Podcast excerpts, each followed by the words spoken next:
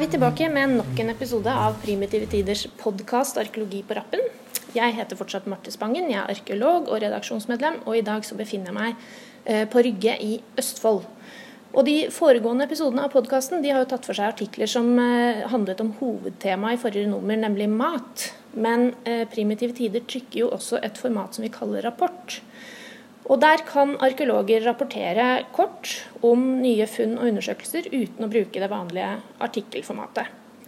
Og I forrige nummer så trykket vi en rapport fra en litt spesiell utgravning, eh, skrevet av utgravningsleder Marie Ødegård sammen med flere av de andre prosjektdeltakerne. Og, her, ja, og Derfor er jeg da i Rygge i dag sammen med Marie. Hei, Marie. Hei, hei, Marte. Velkommen hit. ja, takk for det. Jeg hadde egentlig tenkt å si at eh, nå står jeg altså på et jorde i Rygge, men selvfølgelig akkurat da jeg åpnet bildøra, så kom det etterlengtede regnskyllet som bøndene har ventet på nå i ukevis. Så derfor så sitter vi eh, innendørs. Eh, men vi skal snakke litt om det som foregår eh, utenfor her. Eh, det her er jo fremdeles din daglige arbeidsplass, siden de utgravningene som dere beskriver i rapporten foregår fremdeles i år. Så vi skal snakke litt mer om det også. Men først og fremst så må du nesten fortelle litt om hvor er vi, og hva er dette for slags utgravning? Ja, nå er vi jo på gården Dilling, som ligger i Rygge i Østfold. Og her skal Bane Nor bygge nytt dobbeltspor, jernbane. Ehm, det er jo en stor flatavdekkingsprosjekt. Toårig, 19 eh, uker på to sesonger. Og vi har da Mange hus. Mange hus. Ja. Det er jo snakk om en jernalderutgravning. Eh, og jeg har jo skjønt at det er ganske spesielt med så utrolig eh, mange hus som dere har funnet her. Eh, så du må nesten si litt mer også om eh, hvor mange det er snakk om, og hva er liksom teoriene om hva dette her egentlig er for noe? Ja, nå nærmer vi oss jo 100 hus til sammen på de eh, to sesongene. Vi er jo ferdig med maskinen, sånn at nå kan vi si at vi i hvert fall kommer til å komme opp i en 100 hus. Så har vi det som vi syns er litt morsomt og spesielt, antagelig en del gropus, som også da er fra eldre jernalder.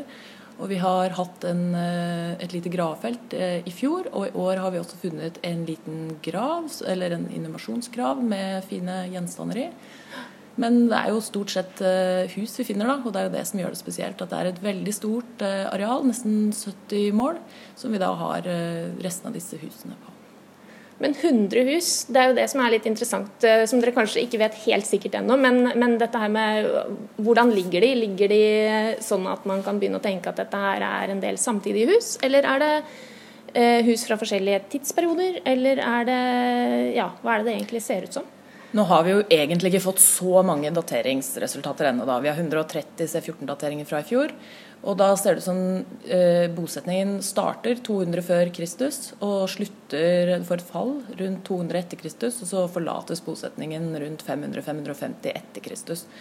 Men eh, innenfor den perioden har vi da alle disse bygningene. Um, Men det er ganske mange generasjoner allikevel, så det, det er, jo er det jo en mulighet for at Eller man kan ikke si at det har stått 100 hus her samtidig, i hvert fall. Det, det har det jo neppe. Men det har vel antagelig Det ser ut som det er en klyngehus, og så er det et mellomrom mellom en sånn 100-150 meter, og så kommer det en ny klynge med hus, da. Mm. Sånn at det kan være snakk om en fem-seks eh, husområder, da, som vi har kalt det. Og så uh, har vi fem andre lokaliteter, bortsett fra denne store hovedlokaliteten da, på 70 mål, hvor vi også har uh, antagelig så mye som ti hus. Ja, ok. Og de ligger Ganske tett i tett uh, utover ja. hele her, egentlig. Og det er ikke så langt herfra, det heller. Nei. Noen hundre meter lenger opp uh, i, La i Larkolveien. Men det som er interessant, da, som jeg har skjønt ut fra rapporten, det er jo det at det er jo flere muligheter her. Det ene er jo det at du kan ha hatt et gårdstun som har, flytt, har blitt flyttet. At det egentlig er den samme gårdsenheten som har flyttet flere ganger. Men det høres jo litt ut som dette her sannsynligvis kanskje er flere samtidige ting, da? Eller? Ja, jeg tror jo det. Ja. Eh, at det har stått flere hus her samtidig. Mm. Mm. Nå blir det jo veldig spennende å se når vi får alle dateringsresultatene og vi kan se litt mer på hvor lenge husene kan ha stått og vet jo at prosjektleder Lars-Erik eh, Gjerpe har jobbet en del med det i det siste. Men mm. Eh, som sagt så tar det jo så lang tid å få disse prøveresultatene, da, som alle kjenner ja. til. Sånn at eh, vi, vi har ikke fått alle fra fjorårets sesong ennå engang. Nei, ikke sant. Mm. Så foreløpig så er det litt sånn uh, i uh, løse lufta, men, men, det er et veldig interessant tema. Fordi det er så sjelden, særlig i Norge, å finne sånne store ansamlinger med gårdstun eller uh, store ansamlinger med bygninger fra den perioden. da. Ja. Så jeg vet ikke hva er liksom det nærmeste du kan sammenligne det med, eventuelt? Nei, da er det jo Forsandmoen, da. Som mm. har vel en 250 bygninger, tror jeg. Men det er jo et mye lengre tidsspenn. Der er det vel dateringer ned i bronsealder. og omtrent opp til samme periode, tror jeg. Så det er, vel, eh, det er vel det nærmeste sånn sett. Men på Østlandet kjennes det jo ingen annen tilsvarende stor bosetning. Nei. Og så har de heller eh, Den største de har i eh, trøndelagsområdet, er vel en Torgårdsletta som skal ha hatt 48 bygninger. Også, som ligger sånn cirka i Vet vi det? Husker ikke jeg. Husker ikke, ikke så Nei. langt fra Trondheim. Nei. og så okay. har de jo på Etne så har de også 50 og noe hus. Og det samme nede ved Kristiansand ved Oddernes der. Så det er jo en del andre, men på Østlandet er det i hvert fall den største, da. Ja, ikke sant. Mm. Ja. Da må du liksom ned til Danmark og sånn for å kunne finne noe mer sammenlignbart. Eller nedover i Sverige, i hvert fall. Ja. ja. Mm. Nei, men Det er spennende, så da, da, får vi bare vente på resultatene der. Men du snakka jo om at dere har funnet et gravfelt også, så kan du si litt om hva slags funn dere hadde der? For det var jo også litt spesielt, da? Det var et uh, lite um gravfelt, syns vi jo egentlig, men faktisk så var det ikke så lite allikevel. Fordi det var sånn flatmarksgraver. Det er visstnok ikke så vanlig å finne det. Det var en 16 eh, graver. Eh, hvor eh, det var da én som lå i en keramikkurne, mens de, de, fleste av de andre lå i en sånn barkekar. Så vi fant jo da bare spor av tetningskittet da, mm. som de brente beina lå i. Så var det tre av disse gravene som hadde en sigd. Og én skilte seg ut ved en, eh, at spissen av denne sigden pekte på en fossil av en brachiopod, som da er en muslingtype som levde for 150-250 millioner år siden. eller noe sånt. Ikke sant? Det visste sikkert ikke de som la den ned i graven, men det er Nei, jo uansett noe som man skal ta med seg som uh, Intensjonelt, vil jeg Ikke sant? Ja. Mm. Det er ikke noe de bare tilfeldigvis uh, kom til å legge sigden opp mot. De Nei, har tenkt noe i forhold til den gamle fossilen også. Mm. Og det er jo veldig interessant, syns jeg. Ja, veldig. Mm. Veldig morsomt. Og det sier jo, som dere sier i rapporten også, noe om at eh, sigd eh, her eh, har tydeligvis det vært et viktig redskap. da. Altså Det må jo ha hatt en viss betydning for de folka som har blitt gravlagt her også. Ja, det tror jeg absolutt. Mm. Det er vel korn og husdyr det har gått i. Det har nok Så, gått i det. ja. ja. Så skal vi være litt sånn skikkelig arkeologinerdete, fordi den rapporten den handler jo også mye om hvordan dere da konkret har fått fram de funnene. For de har jo da selvfølgelig ikke sprettet eller spruttet eller poppet opp av jorden eh, av seg selv. Eh, og Vi snakket om flatavdekning, men kan du bare si litt, altså hvis det er noen lyttere som ikke akkurat er inne i arkeologiterminologien, hva betyr egentlig flatavdekning, og hva er det dere har gjort da innenfor den metoden som ikke har vært gjort før? Flatavdekking er jo bare å med gravemaskin fjerne matjordslaget som man kommer ned på undergrunnen. Hvor da disse restene etter husene eller andre Eh, rester etter bosetning eh, finnes i, ned, gravd ned i undergrunnen. Mm, nå gjorde vi vel ikke noe annet akkurat ved selve flatavdekkingen enn det som har vært gjort tidligere, men det var bare at det var litt mange restriksjoner i forhold til håndtering av jord og masser og sånn, som skapte en del utfordringer for oss i felt. da. Mm.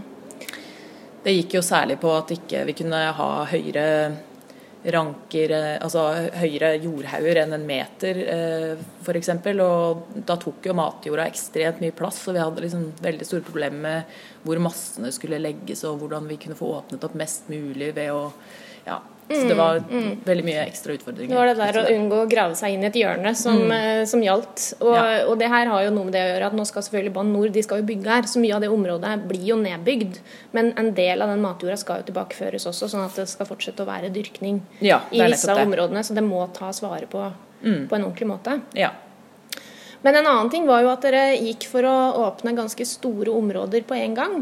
Så det skjønte jeg det som at det har jo kanskje ikke vært fullt så vanlig i store utgravninger før. At man har avdekket et stort område og latt det stå åpent over lengre tid. Det forsto jeg som at det har jo faktisk vært en fordel for tolkningsprosessen etterpå. Ja, ikke for tolkningsprosessen etterpå, men mer for at eh, når det sto, feltet sto en stund, så, så kom det dukka det opp nye Eller var lettere å se strukturene som hadde stått åpent en stund. da.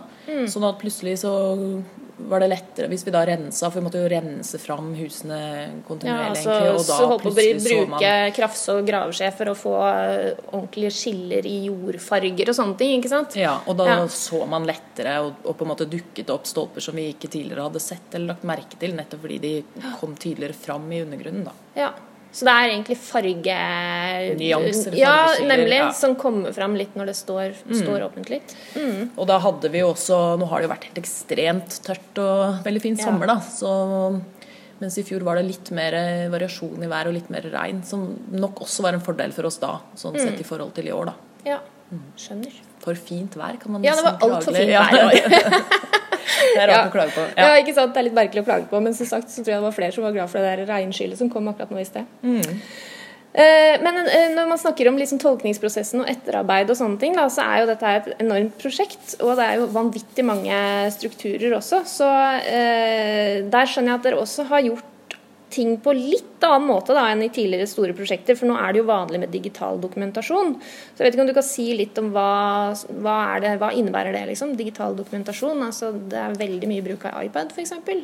Ja, veldig mye bruk av iPad. Eh, Vi var vel da det første heldigitale prosjektet av denne skalaen, da, i hvert fall. Eh, Som jo skapte en del utfordringer også, i forhold til at det ikke er laget for å, å ha så mange iPader og, i bruk samtidig.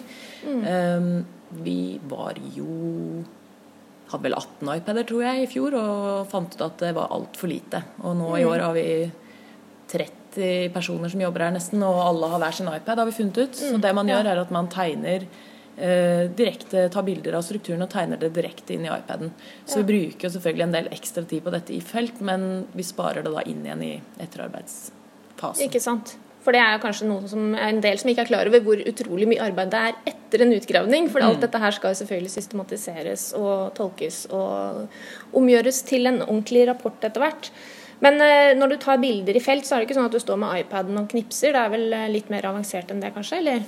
Ja, vi har jo også kameraer som vi tar bilde av strukturene på, så det er det vi sparer. Men når vi bare skal tegne de, så tar vi da bilde av strukturene med iPaden, som vi så tegner over i et tegneprogram. da.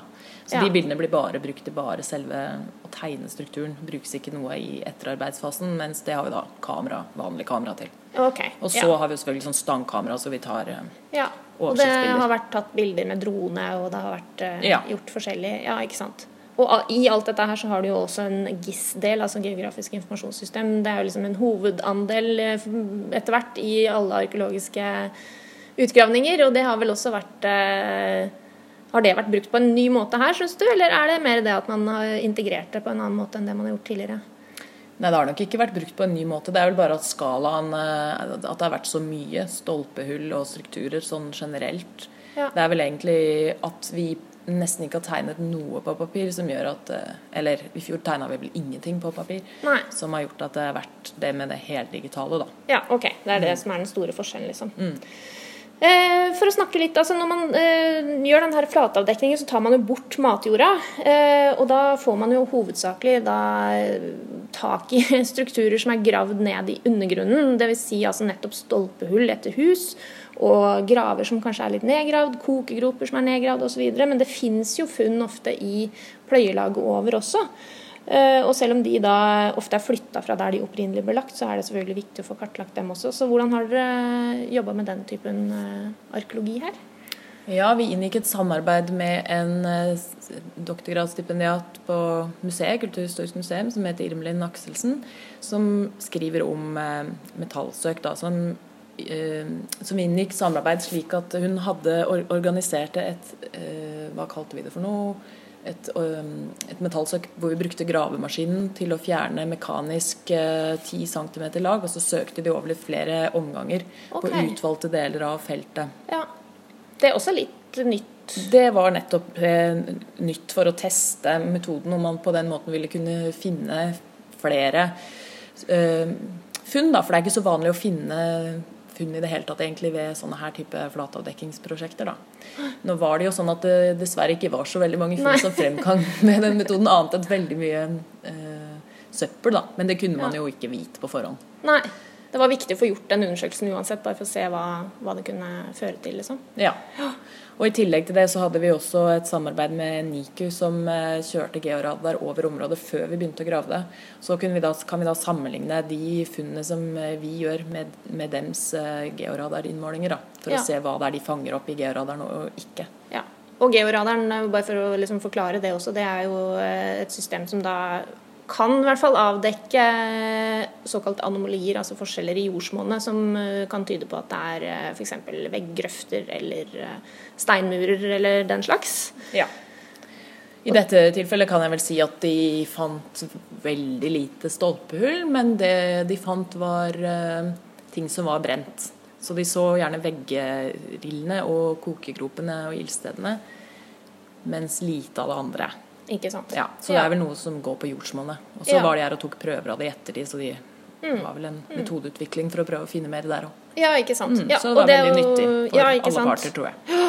Og det er jo også en diskusjon som går nå, hvor mye man egentlig kan Eller hva georadar eh, kan bidra med i forskjellige kontekster, da. Og det er jo veldig varierende fra område til område, så sånn sett så er jo det en viktig ting å få gjort. Mm.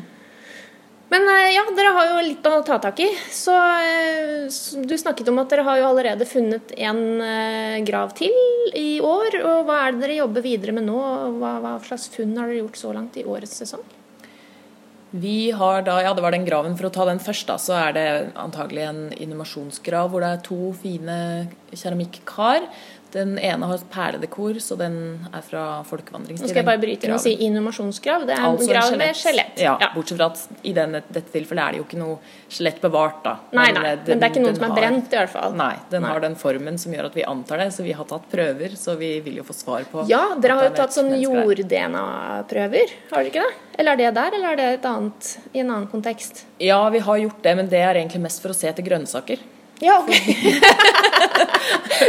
Fordi at eh, de eh, de har jo hatt en grønnsakshage, de har dyrka kål og bønner og sånn sikkert, men det Ja. er jo sånn man sjelden får uh, svar på. Ja. Så derfor har vi uh, faktisk tatt ut ganske mye DNA-prøver og kommer til å ta ut flere, så får vi se hva vi sender inn. Men uh, ja, jeg vil prøve med litt forskjellige typer prøver. Så det her blir den matartikkelen som skulle vært i forrige nummer.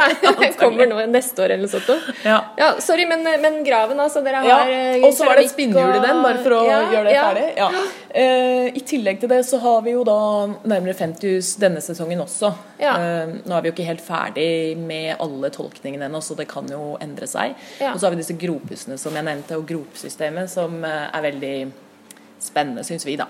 Ikke det er jo sant? ikke så vanlig å finne gropehus fra eldre jernalder, og det kjennes vel bare ett fra før i Østfold.